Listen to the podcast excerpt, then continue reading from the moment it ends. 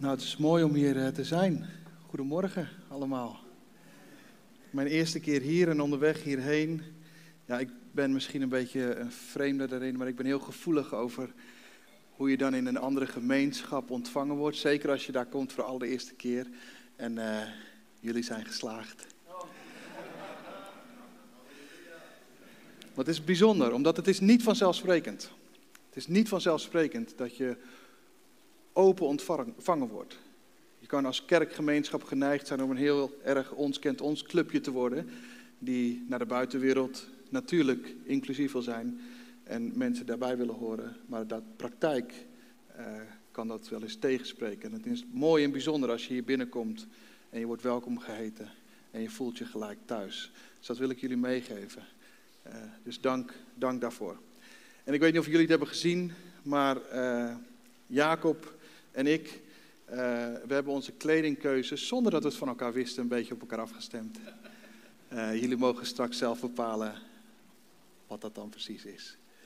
Maar uh, ergens hadden ze denk ik twee broeken halen en één betalen, Jacob. Zie je het nu pas? Ik zag je staan en ik denk, je hebt gewoon mijn broek aan. Maar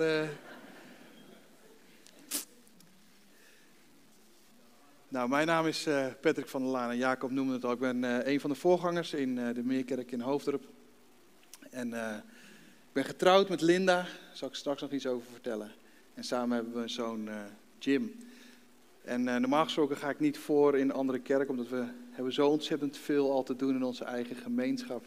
Maar zo nu en dan, zeker als Bert het vraagt, dan kan je niet anders dan, dan komen. Dan kan je niet anders dan komen. Ik wil jullie meenemen in, uh, in misschien wel een van de minst gelezen of meest overgeslagen Bijbelgedeeltes uh, vanuit de Bijbel. En het thema wat ik eraan heb gehangen is het verhaal achter het verhaal. En ik wil dat maar gewoon met jullie gaan lezen. Om uh, ja, toch die versen 1 tot en met 17 vanuit het eerste hoofdstuk van Matthäus te lezen. En uh, als jullie halverwege in slaap vallen, jullie zijn helemaal vergeven bij voorbaat al. Uh, maar daarna wil ik daar kort iets over delen, omdat ik denk dat het heel mooi is om te begrijpen wie Jezus is. Moet je het verhaal achter het verhaal kennen. Ook hierachter. Dus ik wil maar gewoon beginnen met lezen. Matthäus 1 en ik lees vanuit de NBV 21 vertaling. En daar staat overzicht van de afstamming van Jezus Christus, zoon van David, zoon van Abraham. Abraham verwekte Isaac. Isaac verwekte Jacob. Jacob verwekte Juda en zijn broers. Juda verwekte Peres en Zerach bij Tamar. Peres verwachtte Gesron en Gesron verwekte Aram. Aram verwekte Aminadab.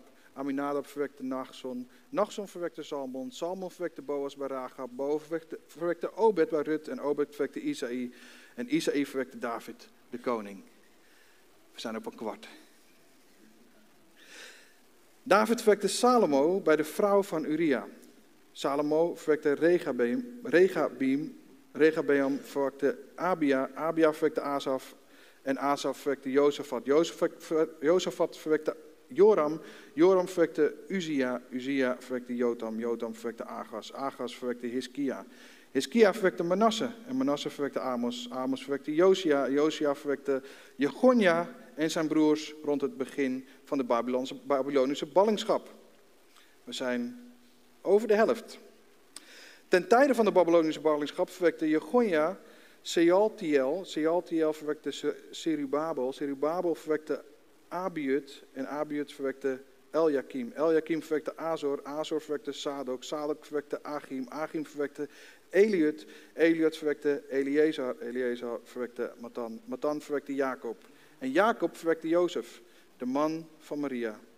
Bij haar werd Jezus verwekt, die Christus genoemd wordt. Van Abraham tot David telt de lijst dus 14 generaties. En van David tot aan de Babylonische ballingschap 14 generaties. En vanaf de Babylonische ballingschap tot Christus 14 generaties. Wat goed dat jullie hiernaar hebben geluisterd misschien wel het meest overgeslagen en minst gelezen Bijbelgedeelte wat je kan bedenken. En ik kan me voorstellen dat als je dit leest en al die namen voorbij gaat, dat je denkt van, komt er een eind aan? En als je er doorheen bent, dan ga je eindelijk weer bij de verhalen beginnen. En dat spreekt ons natuurlijk veel meer aan.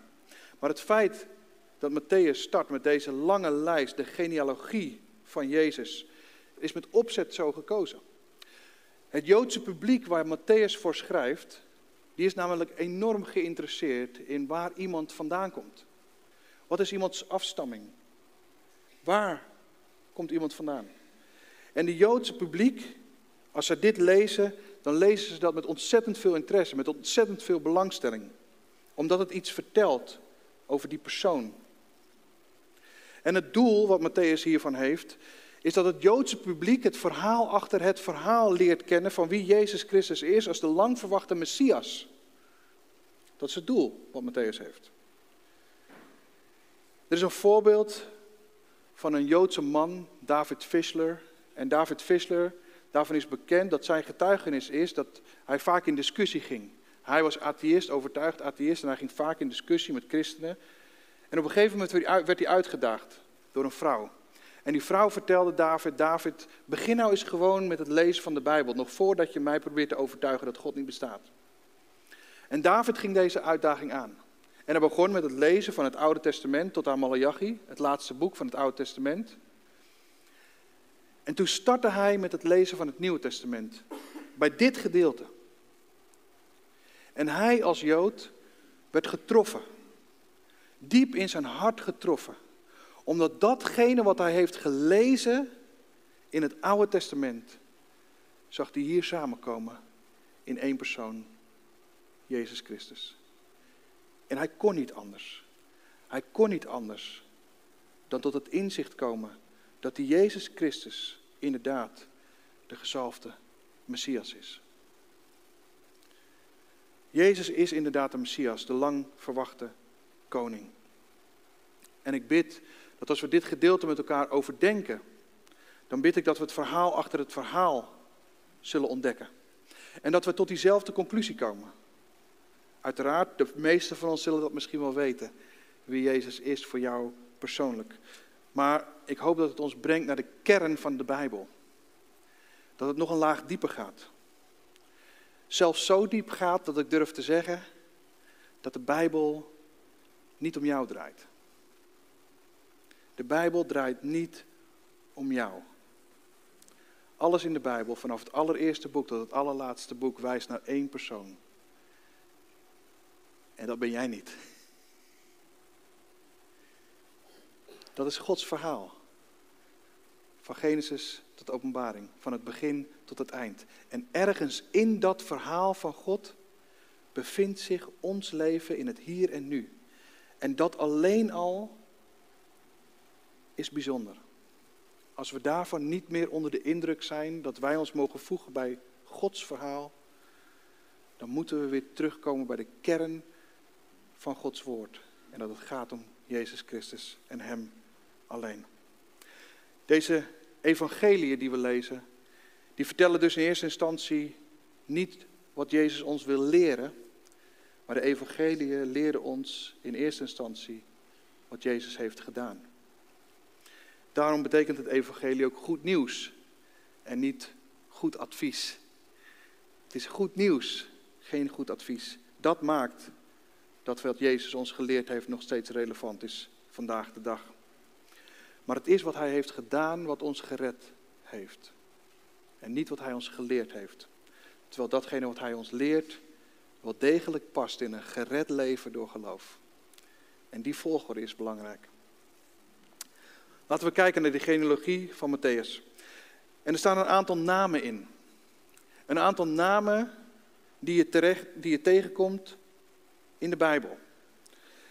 En laten we eens gewoon die eerste zin met elkaar bekijken.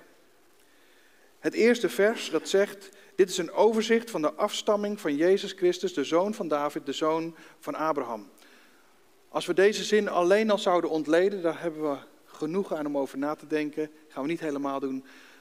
Maar als je deze zin zou gaan ontleden, de afstamming, de genealogie, wat betekent de wetenschap die de afkomst bestudeert, Jezus, Hebreeuws, Yeshua, Joshua, Yahweh red. En Christus is niet de achternaam van Jezus. Christus is een titel de gezalfde, de Messias. Dus stel jezelf voor dat na Malachi er 400 jaar radiostilte is. En dan start ineens het evangelie van Matthäus. En dan start Matthäus met deze eerste zin. Dit is de wetenschap van de afkomst van de gezalfde Messias die redding brengt. Kan je je voorstellen dat je als Jood dit leest? Dat alles in één klap op scherp staat. Ik hoop bij ons ook. Verder staat er dat hij de zoon van David is en de zoon van Abraham. En dit heeft alles te maken, uiteraard, met de beloftes die God hen heeft gedaan. De belofte die God Abraham heeft gedaan. De belofte die God David heeft gedaan.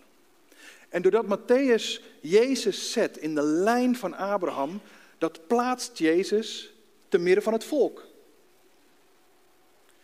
En door Jezus te plaatsen in de lijn van David, dat plaatst Jezus op de troon.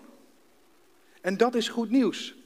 Voor nu en voor altijd. Want dat laat zien dat Jezus de regie heeft. En we spraken er net over. Jezus heeft de regie. Jezus heeft de regie en hij is de regie niet uit handen verloren toen corona ons land trof. Hij is ook niet de regie verloren toen Rusland Oekraïne binnenviel. God is niet de regie verloren. Hij heeft nog steeds vandaag de dag regie. Ik moet vaak denken aan, aan Netflix-series die je wel eens kent. Velen van jullie zullen misschien wel Netflix kijken. En dat je een Netflix-serie kijkt. Een tijd geleden was ik begonnen met een Netflix-serie, Manifest. Ik weet niet of jullie dat kennen, maakt er niet zo heel veel uit.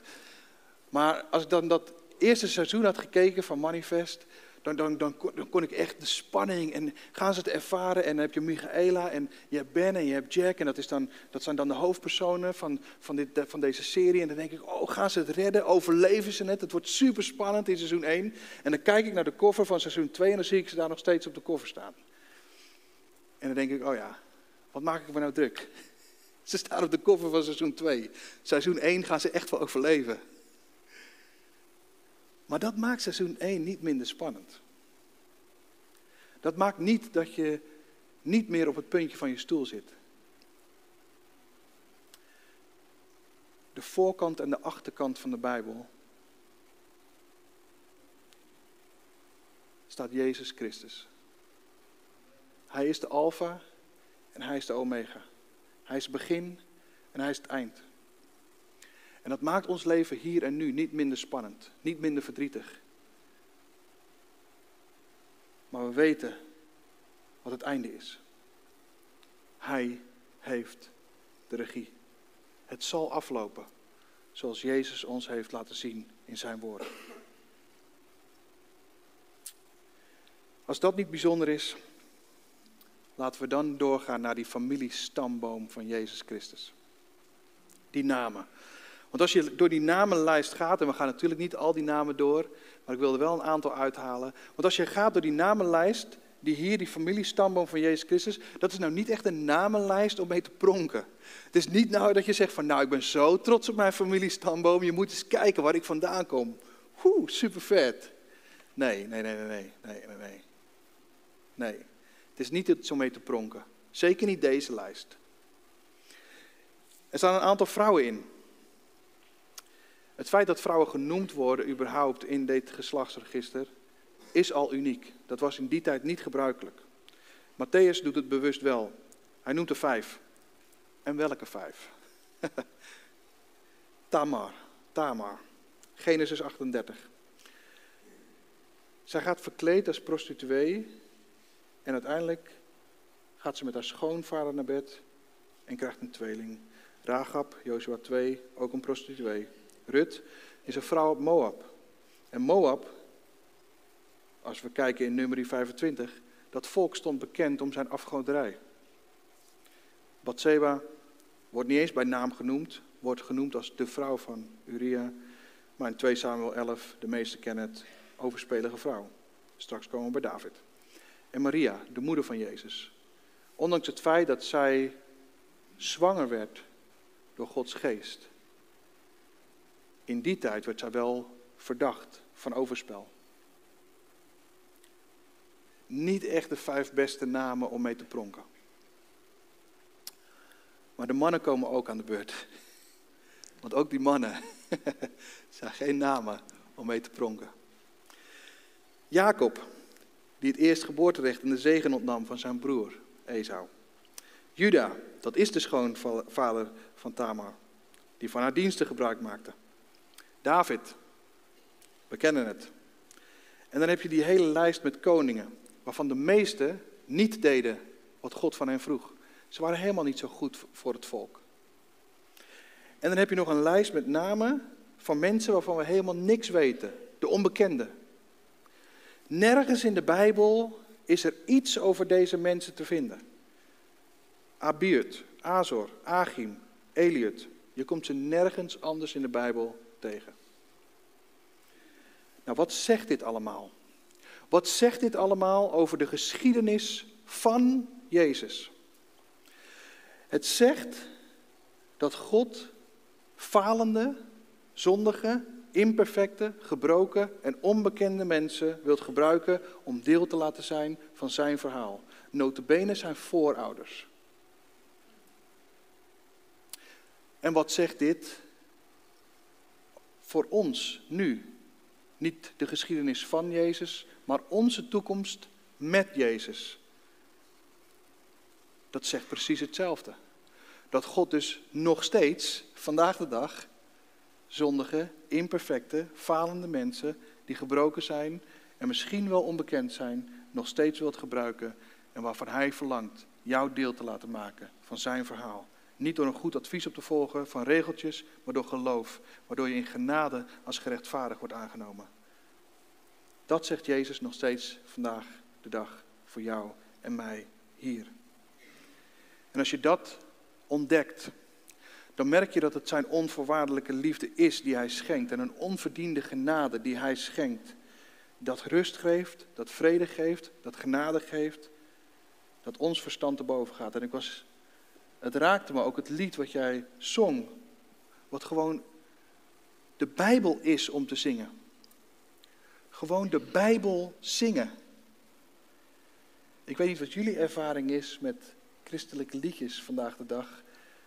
Maar als je zou zeggen, vervang de hoofdletters in kleine letters, dan hebben we gewoon liefdesliedjes.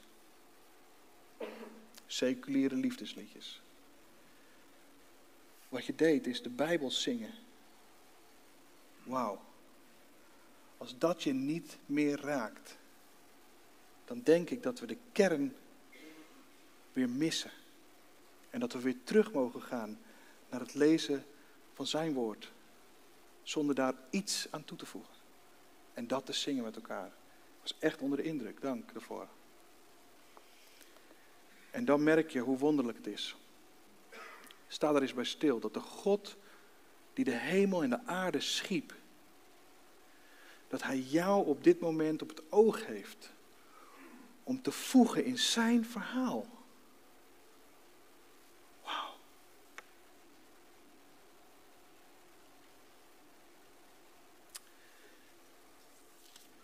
Zelf ben ik niet met het geloof opgevoed. Ik, ik kwam op 21-jarige leeftijd kwam ik voor het allereerst in de kerk. En de situatie was als volgt. Mijn moeder, die terminaal ziek was, die wist dat zij zou komen te overlijden in korte tijd. Mijn moeder die was ineens tot geloof gekomen. En je moet je voorstellen, wij hadden van huis uit nooit iets meegekregen met geloof. God, Jezus, de kerk was nooit een onderdeel van ons geloof. Een half jaar voordat mijn moeder stierf, kwam ze dan ineens tot geloof in Jezus Christus. Ze had het licht gezien, zei ze. En ik dacht van oké, de medicatie stijgt naar je hoofd, je ziet dingen die er helemaal niet zijn, maar prima, weet je wel. Misschien herken je het wel als, als, als je getuigt van jouw geloof, dat mensen zeggen van ja, dat is mooi voor jou. Als, als, jij, als jij erbij geholpen bent, super mooi voor jou. Nou, zo, zo stond ik er ook in. Ik dacht, nou, mooi voor mijn moeder, maar niks voor mij. Het is wel heel, heel gek overigens. Of het is waar of het is niet waar. Als het waar is, is het ook voor mij. En als het niet waar is, is het ook niet voor mijn moeder. Dat, dat is eigenlijk hoe het echt is. Maar zo stond ik erin. Zij wilde zich laten dopen. En ik wist dat wij binnen niet al te lange tijd, mijn zus en ik, dat we wees zouden worden Want onze vader die was er ook niet meer. En het verlangen van mijn moeder om zich te laten dopen was bizar. En toen zat ik daar als 21-jarige, voor het eerst van mijn leven in een kerk. En ik wist, mijn moeder is anders geworden. Mijn moeder is niet meer dezelfde als dat ze was. Vrij kort daarna overleed ze. En de kerk bleef trouw. De kerk bleef trouw. En ze wilde er voor mij en voor mijn zus zijn. En toen begonnen ze ineens over een alfa-cursus. En toen zeiden ze bij die alfa-cursus mag je al je vragen stellen. En die had ik. Vragen waarom, waarom overkomt mij dit? En als God liefde is, hoe kan dit dan gebeuren? Misschien herken je die vraag. En ik weet nog dat ik zo bij deze alfa-cursus zat, met mijn armen over elkaar. En als iemand begon van, ja, God houdt van je.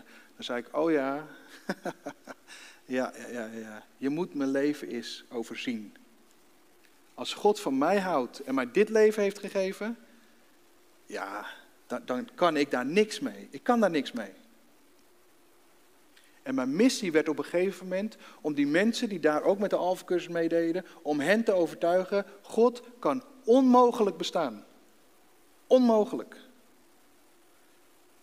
En de situatie waarin we momenteel zitten met Oekraïne en Rusland en corona, levert misschien wel in jouw vriendenkring of in je collega's of in je familie misschien wel diezelfde vragen.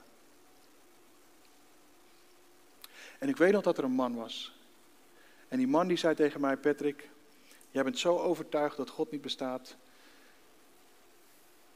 Wat nou als je God zelf een eerlijke kans geeft om zichzelf te openbaren in jouw leven?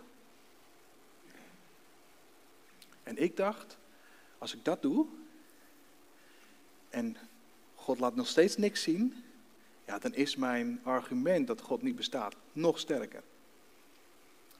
Nou ja, ik sta nou hier en uh, dat begon met die kans geven aan God zelf. Het lezen van zijn woord. En onder de indruk raken van wie Jezus is en wat hij heeft gedaan. Niet lang daarna heb ik me ook laten dopen. En stond ik in het doopbad waar mijn moeder ook stond, een jaar daarvoor. En voor mezelf heb ik ontdekt dat een leven zonder Jezus een hopeloos einde is. En een leven met Jezus eindeloze hoop geeft. En daar hou ik me aan vast. Twee jaar geleden leek de geschiedenis in ons gezin zich te herhalen. Mijn moeder die stierf van longkanker. En nu kreeg mijn vrouw deze boodschap. Er waren 16 tumoren gevonden op haar longen. En wij dachten dat ze het niet zou overleven. En ik weet nog goed dat we uit het ziekenhuis liepen met deze mededeling. En ik vroeg aan mijn vrouw, ik zeg, Linda, ik zeg, wat doet dit met je geloof? En toen zei zij, ze zegt Patrick, ze zegt, los van waar het naartoe gaat, of ik blijf leven of dat ik zal sterven. Eén ding mogen we nooit vergeten. Nooit. God is goed en hij blijft goed. Dat is niet afhankelijk van onze situatie. Hij is goed en hij blijft goed. En zijn goedheid hebben we ervaren. En dat gaan we niet ineens opgeven als het tegen zit. Hij is goed en hij blijft goed. De situatie heeft ons leren leven met onbeantwoorde vragen. En ik snap heel goed dat we in een tijd van Google leven en onbeantwoorde vragen eigenlijk niet meer zo goed iets is waar we mee kunnen dealen. Maar je kan onbeantwoorde vragen hebben zonder dat het ook maar iets afdoet aan je geloof in Jezus Christus. Hadden wij geen verdriet in deze tijd? Zeker. Hadden wij vragen in deze tijd? Ook absoluut. Maar we hebben ontdekt dat de hoeveelheid bagage die je meeneemt in het leven, de hoeveelheid bagage die jij meeneemt in het leven, dat is niet wat je leven zwaar maakt. De hoeveelheid bagage die je meeneemt in het leven is niet wat jouw leven zwaar maakt. Wat je leven zwaar maakt, is het zelf dragen. En dan is Jezus daar met die hele bekende woorden uit Matthäus 11, vers 28. Kom naar mij. Kom naar mij. Als je vermoeid bent en onder lasten gebukt gaat. En ik zal je rust geven. Weet je het verschil tussen deze twee situaties van mijn moeder en van mijn eigen vrouw? Was dat bij mijn eigen vrouw we Jezus hadden leren kennen. Ik kon niet omgaan met het verdriet van mijn moeder. Ik kon wel omgaan met het verdriet van mijn eigen vrouw. Uiteindelijk is mijn vrouw genezen. En ze is kerngezond. En de laatste scans laten zien dat het gewoon helemaal goed is. Maar of we nou de ene kant of de andere kant op zouden gaan. één ding stond boven water. Jezus leeft. God is goed. Ondanks de situatie. Als we dit verhaal achter het verhaal kennen. Door een geslachtsregister te lezen waar Jezus vandaan komt. Dan kom je tot ontdekking dat jouw verhaal in het verhaal van God het meest bijzondere misschien wel is wat je je ooit kan bedenken. Dat Hij goed is. Ook als we niks, niet alles begrijpen. Ook als we vragen hebben. Omdat we mogen vasthouden aan zijn woord. En dat we mogen vertrouwen dat datgene wat hij beloofd heeft, dat hij dat ook zal voltooien. Er komt een einde. En er komt een nieuw begin. Een nieuwe hemel, een nieuwe aarde, een nieuw Jeruzalem. Waar geen pijn meer is, geen jammerklacht, geen ziekte, geen verdriet. Aan die belofte houdt God zich. Reken daar maar op. Mag ik jullie voorgaan in gebed?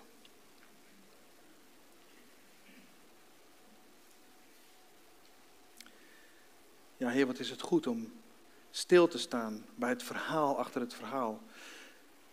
Zelfs het verhaal achter het verhaal van het minst gelezen of meest overgeslagen Bijbelgedeelte van het Nieuwe Testament. En dan zijn we dankbaar dat we in deze moment, in deze bijzondere kerkdienst, mogen stilstaan bij die namen. Dat we er een enkeling uit hebben mogen halen. En dat we onze eigen naam mogen voegen als het gaat om de toekomst met u. Dat ons leven misschien ook niet is waarmee u loopt te pronken. Maar u houdt gewoon zielsveel van ons. En daarom is het vanuit uw genade dat wij ons mogen voegen bij uw verhaal. En zo willen we hier bij elkaar zijn. Daaraan vasthoudend. Vasthoudend aan het verhaal achter het verhaal van wie u bent. Daarom mogen we vasthouden aan het feit dat u, Jezus Christus, de hoop bent van alle volken. Dat u de trooster bent in elk verdriet. Dat u het licht bent in de duister en dat u de waarheid bent die overwint. En door dit te weten en door dit te erkennen, dat maakt dat het een feest is van genade. En daarom prijzen we uw grote, heilige, machtige, liefdevolle naam. Die naam boven alle namen. Die naam van Jezus Christus. Geprezen zij uw naam, Heer Jezus. Amen.